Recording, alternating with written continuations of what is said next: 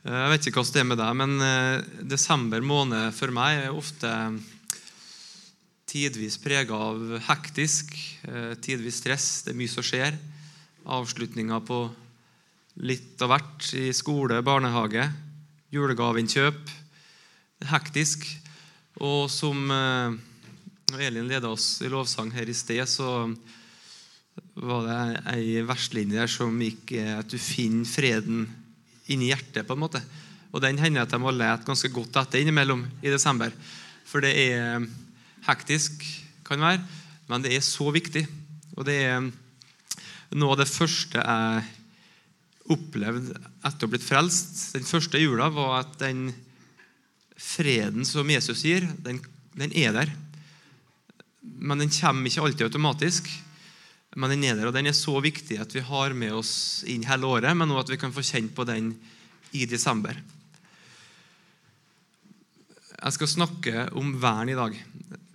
Og grunnlaget for at vi skal kunne få erfare fred, fred i hjertet, og kjenne at hverdagen er et liv i fred, det er at vernet får den plassen det skal ha. I Salme 8 så står det Fra småbarn og spedbarns munn har du reist et vern mot den som står deg imot, for å gjøre ende på fienden og hevneren. Når jeg ser din himmel, et verk av dine fingre, månen og stjernene, som du har satt der, hva er da et menneske? At du husker på det, et menneskebarn, at du tar deg av det. Du satte han lite lavere enn Gud og kronet han med herlighet og ære. Du gjorde ham til herre over dine henders verk. Alt la du under hans føtter. Og så videre. Jesus var født inn i verden her som et lite barn. Og så vokste han opp som et barn. Og så står det her at Gud har reist et vern mot dem som står imot ham. Vi skal se etterpå om, på det med Jesus som vern.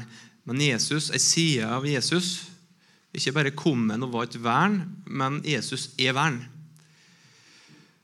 Eh, akkurat like mye som han er en som kommer med fred, så er dette ei side av Jesus som er kjempeviktig, men kanskje ikke det som vi oftest trekker fram.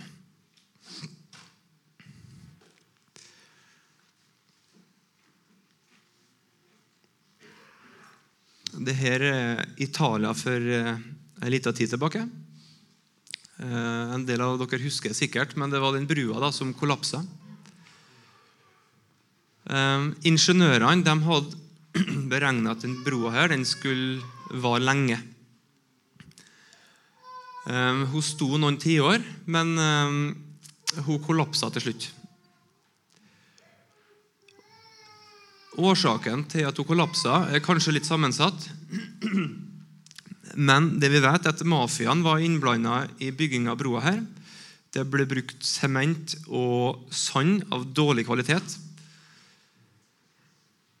som gjorde hvert fall var en sterk grunn til at den brua her ikke varte så lenge som ingeniørene hadde forutsagt.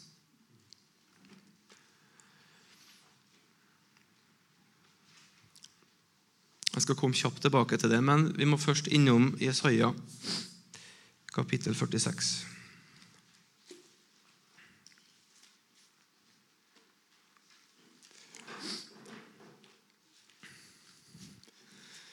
Jesaja 46, jeg leser vers 9 og 10. Husk de første ting fra gammel tid. For jeg er Gud, ingen annen. Jeg er Gud, og ingen er lik meg. Fra begynnelsen forteller jeg slutten, og på forhånd forteller jeg det som ikke har hendt. Jeg sier, min plan står fast. Alt jeg vil, det gjør jeg. Så her også så har vi en Gud som er skaper, som har en plan, og det han vil, det gjør han. Men i Salme 14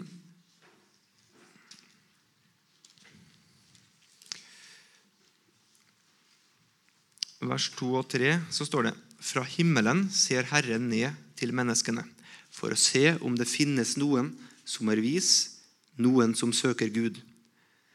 Alle har vendt seg bort, alle er som fordrevet. Det finnes ingen som gjør det gode, ikke en eneste en. Så vi har en Gud som har all makt, og som gjør det han vil. Så ser vi samtidig at han ser ned på menneskene og ser etter om det er noen som søker han. I det tilfellet her så var det det tragiske da, at han fant ingen.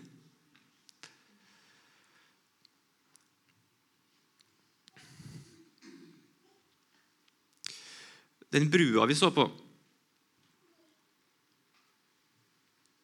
den ble bygd av mennesker. Og Vi har sett mye gjennom verdenshistoria som er godt, og som Gud ønsker.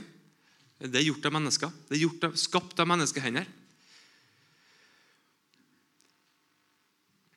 Så det vil da fremstå kanskje som motsetninger, for du har en Gud som trumfer gjennom akkurat det han vil. Det virker som det ikke er en påvirkning i hele tatt. Samtidig så vet vi at Gud ønsker å bruke mennesker i den planen.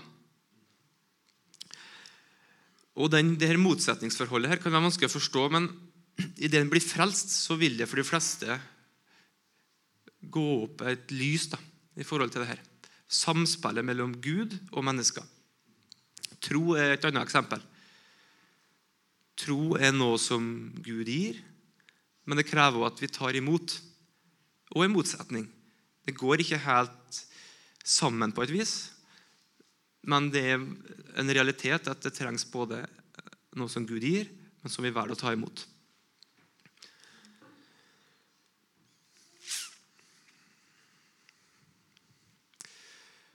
Jeg skal bruke et eksempel fra klimaspørsmålet som er veldig aktuelt for tida. Vi hører i media at det går feil vei. Eh, det er egentlig menneskers hender da, å berge jorda her, for det kommer til å gå under. Så er spørsmålet da er alt i våre hender. Det er klart at vi skal gjøre vår del. Vi skal ikke være med på å skade jorda. Eh, men vi må gjøre vår del for å sørge for at den jorda her blir godt varetatt og bruke henne på rett måte. Erling Thu sier det kjører godt da, i denne podkasten Sennep. Eh, så stiller spørsmålet hva, hva skjer du når du ser på himmelen og ser regnbuen. Han sier at han ser Guds pakt med oss. Som sier at han skal aldri utslette alt menneskeliv igjen på jorda her.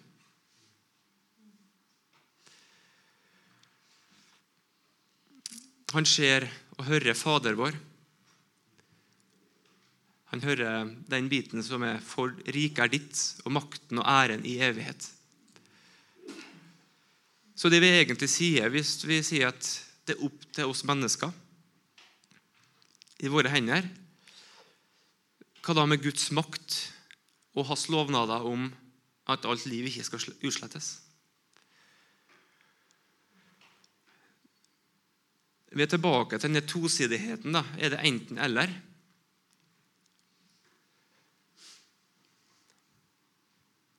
Klart Vi skal bidra med det vi har for å gjøre denne jorda her bedre på alle måter, og klimamessig. Men det er Gud som sitter med makta. Når sønnen min kommer hjem fra skolen og har plukka søppel på vei hjem Det gjør han av og til. Og Da kommer han, og det er skitete, og han, blir, han, ser ikke ut, for det søppelet her kan være veldig skitete. Men det er klart jeg skryter av en fantastisk kjempebra at du tar ansvar, rydder opp. Vil ikke ha søppel liggende. Han tar ansvar. Han tar klimaansvar. Kjempebra. Men samtidig så gjør jeg nå trygg på at den jorda her kommer ikke til å gå under. For vi tjener en Gud som har all makt. Og vi skal se en ny himmel og jord etter hvert, som kommer til å bli fantastisk. Så Den tryggheten vil jeg gjerne gi inn i bånd, men vi må ta det ansvaret. Så den tosidigheten her er kjempeviktig. Grunnen til at jeg trekker fram det eksempelet her, er Feserbrevet, kapittel 1.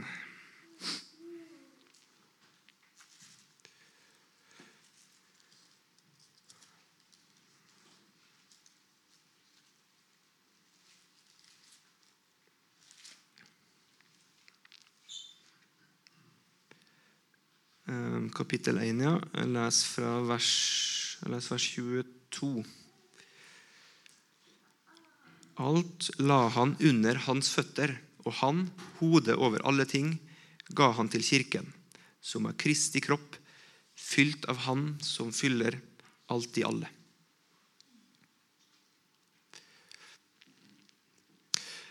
Her ser vi at det skillet som fort kan oppleves, blir sammenføyd.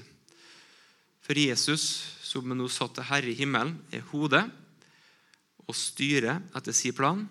Og så har han en kropp her på jorda som uttrykker hans ønske. Og Bibelen setter ikke noe skille her. Det har aldri vært meninga at hodet skal være atskilt fra kroppen. Man har en, et hode, en kropp, som er føyd sammen, som fungerer sammen. Og den kroppen er fylt av Jesus. Det er én kropp som er hæl.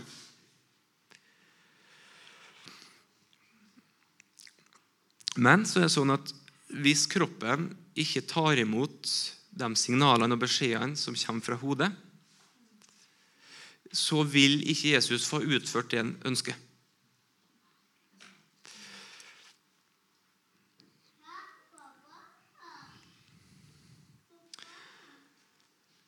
Men idet kroppen blir fylt av Jesus og vokser til modenhet og blir han lik, så vil Jesus i større grad få uttrykt det han vil her på jorda.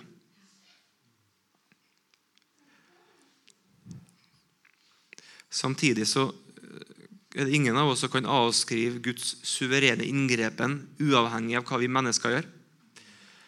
Men det som Guds ord er tydelig på, er at han først og fremst bruker menigheter for å uttrykke sin vilje.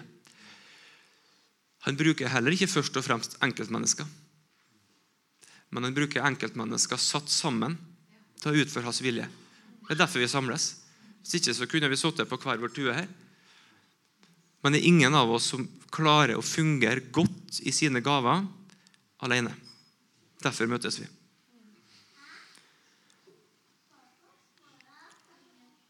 Så er det sånn at Gud bruker mennesker på forskjellige måter for å uttrykke seg sjøl sammen. Akkurat samme måte er det uttrykk av vern. Det Gud, bruker Gud mennesker. Alle her uttrykker en form for vern. Um, Ungene deres kan uttrykke vern ved å si at uh, 'Pappa, jeg syns ikke du snakka fint nå til mamma.' Det er vern. For 'oi, ja, det var riktig'. Tilgi meg for det. Det var ikke rett. Samtidig så reiser Gud opp noen som har et spesielt ansvar for å utøve vern.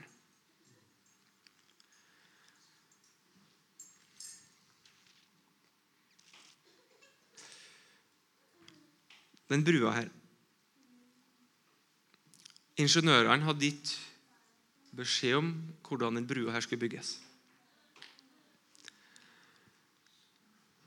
Men det ble ikke gjort rett likevel. Gud gir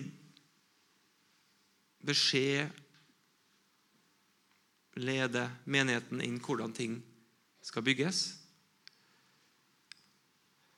Det betyr ikke alltid at vi gjør ting rett, og det må vi ta høyde for. Det er her vernet kommer inn. Og når det trengs, så er det her livsviktig. Det er ikke så veldig mange ganger nødvendig hvis det trengs, men det er nødvendig.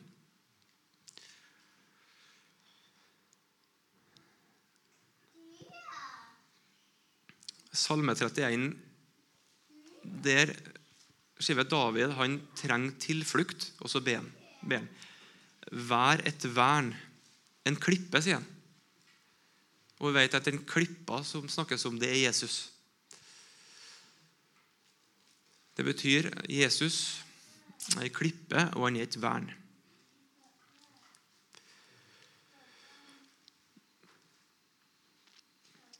Tilbake til Salme 8. Fra småbarn og spedbarns munn har du reist et vern for å gjøre ende på fienden. Og Det interessante er at det var akkurat munnen Jesus brukte på jorda her for å uttrykke vern. Han brukte munnen sin hele tida, og du ser den effekten det hadde. Og Vi ser mange ganger at det resulterer i et vern. Jeg skal komme tilbake til. Ordspråkene 14 sier at for de vise er leppene et vern. Så har du Jesus og tar deg ut visdom, så kan du utøve vern. Og så kjenner vi det til at sant, Bibelen sier i, i eh, ordspråket nå at leppene er rensa. Altså hvert ord fra Gud er rensa. Så det er rent, det som tales. Og så Hebreerbrevet sier at eh, Guds ord trenger gjennom marg og bein, sånn at det har en effekt, det som blir sagt.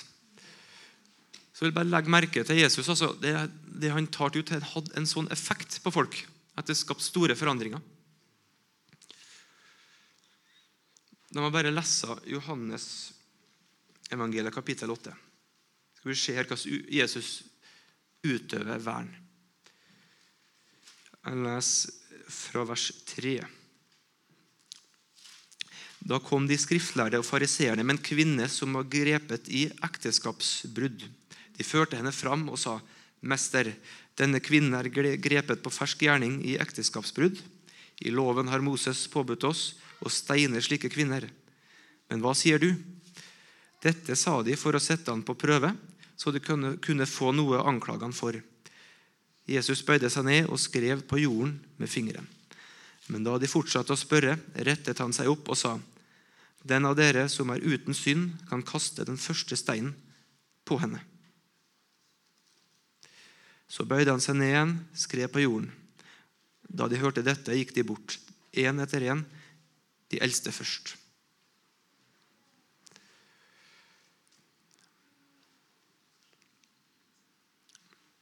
Her er det ei som har gjort en urett. Og hva gjør Jesus? Springer han og gjemmer seg? Går han bort i ødemarka og ber? Nei. Han sa noen få enkle ord. Den som er syndfri, kast den første steinen. Og voff! Der kom vernet inn. Det var som en fysisk vegg skulle vært der. Du kan bare se for deg dem som var klare til å kaste. Det bare droppa i gulvet. Fullstendig satt ut av spill pga. kraften i de ordene som Jesus talte. Et av mange eksempler på hvordan Jesus utøvde vern. Men vi må gjøre det praktisk for oss. Hvordan gjelder det oss? Hvordan utøver vi vern? Så Da vil jeg gå til skal vi se, den vi ferdig med, eh, familien. Det minste uttrykket av Jesus, minste fellesskapet, det er gjerne familien. Mor, far, og så kommer det gjerne noen barn etter hvert. Der er det òg behov for vern. Første Korinterbrev, kapittel 11. Der står det at mannen er hodet over kvinnen. Så står det at Jesus er hodet over mannen. Det innebærer at mannen har et ansvar for familien og har ansvar for å ta styring i de tilfellene det trengs. Har vi en sånn hierarkisk tankegang, så kan dette oppleves veldig problematisk. For dette handler ikke om å være midtpunkt, det handler ikke om å ta mye plass eller å være den som er viktigst, men det handler om å være en som gir rom for vekst, trivsel og trygghet. Og Det er ofte kjøle få grep du må gjøre da, som mann i familien for at dette skal være på plass. Jeg skal bare ta fram fruens blomstervase for å beskrive. For det står i 1. Peters brev at kvinnen er den svakere part. Her er noen oversettelser bruker 'kvinnen er svakere kar', bolle og lignende. Det her er det mange som hopper bukk over, for det er et vanskelig vers. Eh, spesielt i likestillingstider. Men hopper vi bukk over det her og ikke anerkjenner forskjelligheten, så gjør vi en stor urett. Fordi her har du to ulike vaser. Det er jo ikke vanskelig å se hvem som representerer Guds skjønnhet. Denne er veldig flott. Kvinnen er veldig flott. Mannen er fin på sin måte, men litt annerledes. Ehm, jeg vil være, håndtere denne med en større respekt og forsiktighet enn jeg vil gjøre med den. Den her kan gå lettere i stykker enn den her. Så det Bibelen gjør For på den tida Bibelen var skrevet, så hadde ikke kvinner mye rettigheter. Men Gud løfta kvinnen opp og ga henne den respekten hun fortjener, sjøl om samtida ikke gjorde det.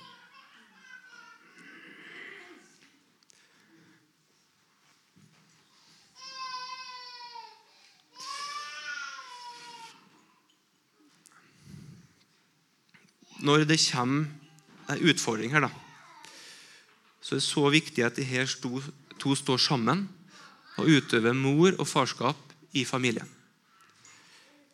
Han her, her klarer seg ikke alene. Han trenger kvinner, for de er satt sammen. Men når det blir problematisk, da, så er det kjøle fort at denne gamle Adamen kanskje vil stikke seg litt unna og gjemme seg litt. For her ble det litt vanskelig. Og Det vi ser i tilfellene her, er ofte at kvinner er fantastiske som tar ansvar i familiene og gjør det som trengs. Men du skjønner, når denne herren her tar det ansvaret han skal ha i situasjonene, og går foran og utøver vern i familien De står fortsatt sammen, men han tar ansvaret sitt. Hvordan føles det for kvinnehjertet når mannen gjør det? Jeg bare stiller spørsmålet. Jeg er ikke noen kvinne, så det, jeg har ikke det beste svaret. Men jeg prøver å brette ut hva Bibelen sier.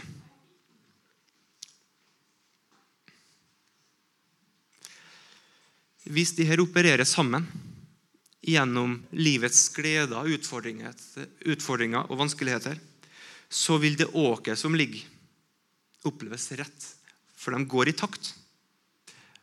Jeg vet ikke om mange som har vært og båret et sånt åk. Men går du i takt, så er åket lett å bære.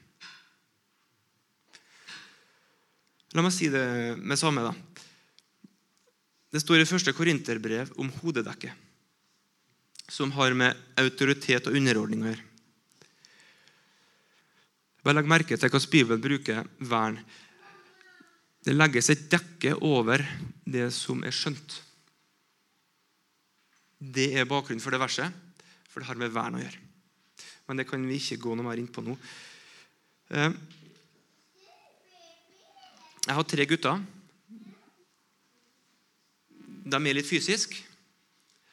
Og til moras store fortvilelse så er det litt De styrer litt og kan ødelegge litt.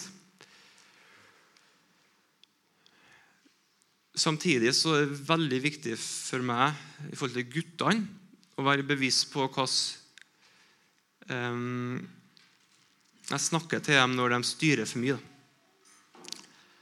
For du skjønner at Det kommer en dag hvor så her kanskje finner seg ei jente og får ektefelle. Og da vil jeg at de her skal ha lært å ikke bekke unna når trykket kommer.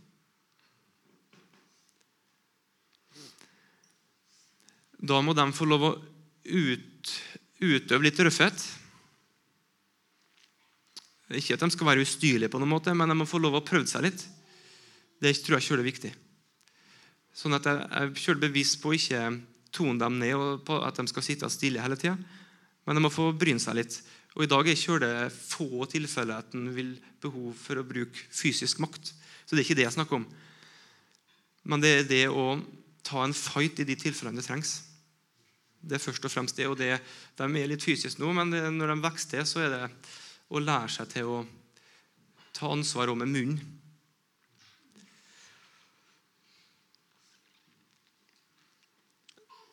Det var familien. Mor og far sammen. De er føyd sammen. Uatskillelig og må stå sammen gjennom ting. Og der må far i huset ta det ansvaret han skal ha når det trengs. I menigheten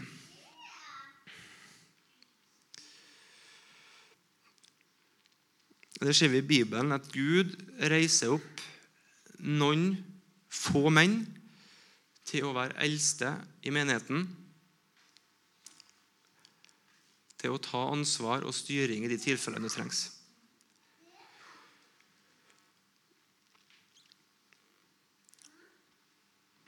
Mye av det vi leser i Bibelen, kan ut fra en tid jeg har skrevet, virke veldig gammeldags. Um, hvis vi skal gå over i arkitektenes verden, da, så er jeg liker hus som er bygd på 30-tallet. Jeg syns de er veldig flotte. Uh, men et hus som er bygd i 1850, er, kan være, se mye dårligere ut på mange vis. men kan være mye solidere bygd og kan vare mye lenger fordi det er bygd skikkelig. Det hun ønsker å si, og kjør godt på hva jeg sier nå For det kommer til å være kjempeviktig i tida framover, den tida vi lever i. Guds ord er relevant inn i den tida vi lever neste generasjon som kommer, kommer til å Det er like gyldig for dem. Guds ord kommer til å være relevant. Eh, trendene utvikler seg, eh, moten er forskjellig. 70-tallet Den moten eh, den kanskje det mange husker. da. Men det vil i hvert fall være utvikling på mange ting. Men glem ikke Guds ord vil være relevant i den tida vi lever i, uansett. Og det vil være en del begrep som kan oppleves gammeldags. Men gå ikke i den fella og hopp over det, for det er ikke moderne lenger. For når vi snakker om ting som er evige her Så det er, det er faktisk det er moderne fordi det har framtid i seg. Men mye annet som vi ser som er moderne i dag, det kommer til å være oppråtna om ti år. Så om det virker gammeldags, ta en ekstra runde på det. Det er Hvis vi skal ta det med moderne og umoderne, da, så er det ganske moderne i dag for en del menigheter å slippe ugudelige til i menigheter, faktisk. Det er ganske moderne. det. Så vi må se litt lenger inn det som, det som er akkurat i dag.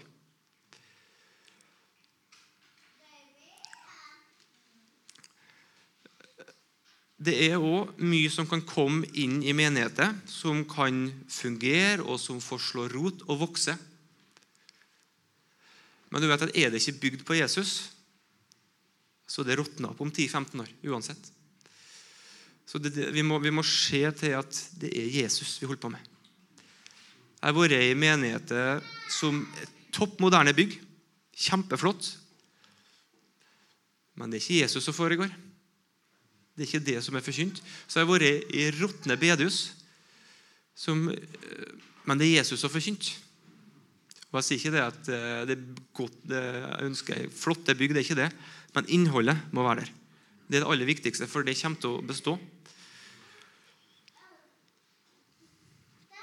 Så tilbake til vern i menigheten. Da eldste så vil Jesu vern være uttrykt gjennom hele menigheten. Men ansvaret for å uttrykke vern ligger på de eldste. Så jeg har tatt med et flott lys her som sønnen min laga på skolen. Er mala på og gjort seg flid. da. Kjempeflink. Så vet vi at vi har noe på innsida i oss som er sterkere enn verden. Vi har Jesus.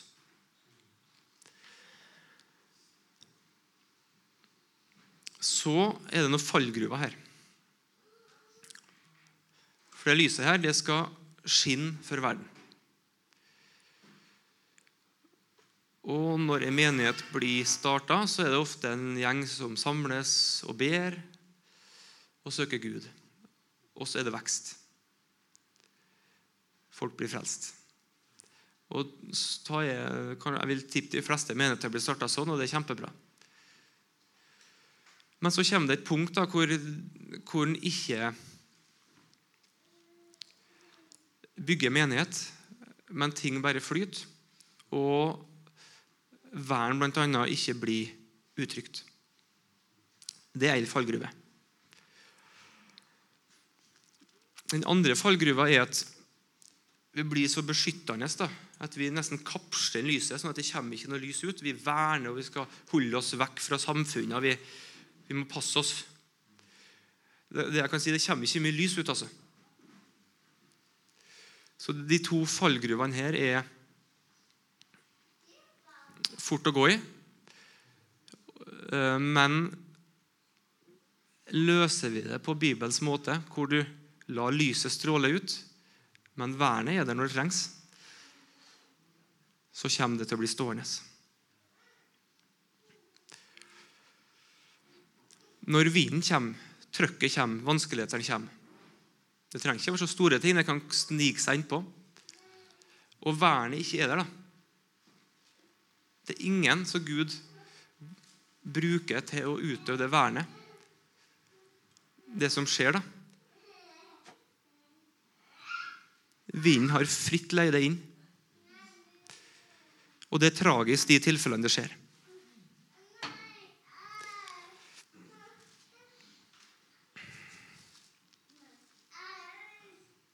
Han bare sier det med samme Satan ønsker å gjøre skillet mellom menighet og verden så liten som mulig. Jesus satte et skille. Han sa at han vil at dette skal flyte sammen. For da mister det krafta. Man er vernet der og sier at her er skillet. Her slipper ikke vi inn fordi at vi er bygd på Jesus. Det er Jesus som skal ha plass her. Ingen skal få lov å vanne det ut. Så vet vi jo at Satan ønsker å spre flokken, sånn at vi ikke står sammen.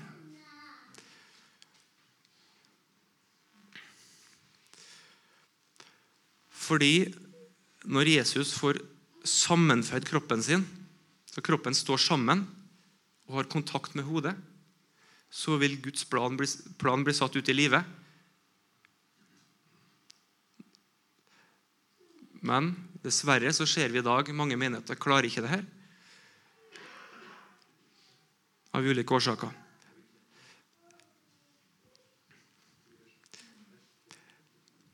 Men når kroppen er i harmonisk samspill, hvor hodet taler til menigheten, og menigheten står sammen fordi at Satan har ikke klart å splitte opp, så er det kraftfullt.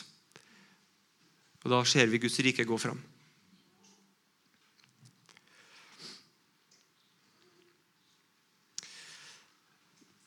La meg bare ta ett minutt før jeg avslutter. For Nå har vi tatt familien og så har vi tatt menigheten som et større uttrykk av Gud, fellesskap. Og så har vi samfunnet. Der òg er det et vern. For Myndighetene de er innsatt av Gud. Og Så står det i Bibelen at den de bærer ikke sverd uten grunn. Så det at en har myndigheter som uttrykker vern i samfunnet, er godt. Og samfunn som lever i anarki eh, og ikke har fungerende eh, styresmakter, de lider. Du ser at sjøl dårlig lederskap, dårlige regjeringer, ofte er bedre enn ingen, dessverre. Og de som taper her, det er de svake.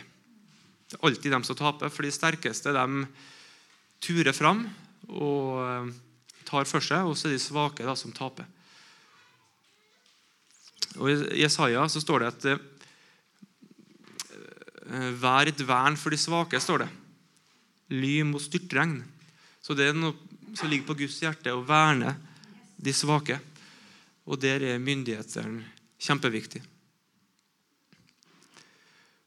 I Norge så er vi jo velsigna med gode styresmakter og som gjør en for så vidt god jobb, tror jeg, eh, kontra mange andre land. Og Der eh, ser vi at vi har et vern som fungerer ganske godt. Godt rettsvesen, lite korrupsjon. Men så har vi enkelte andre områder hvor du ser svake, da, sånn som barn som er i magen til mor, har ikke det vernet fra styresmakten. Så vi har enkelte ting, selvsagt, men over og hva skal jeg si, eh, Oppsummert så vil, har vi nok gode styresmakter. Så Der har du vern da i samfunnet, myndighetene. Så vernet er der ikke for å ta så mye plass, men det er der for å være til stede når det trengs. Og skape trygghet, ro og fred. Og det gir en kjøle trygghet i en familie når mor og barn vet at Skjer det noe, så stikker ikke far og gjemmer seg, men den er der. Ikke så ofte det trengs, men det er bare en trygghet at det er til stede. Samme i menigheten, samme i samfunnet ellers. Myndighetene. At det er noe der når det trengs. Ja. Takk. Det var det.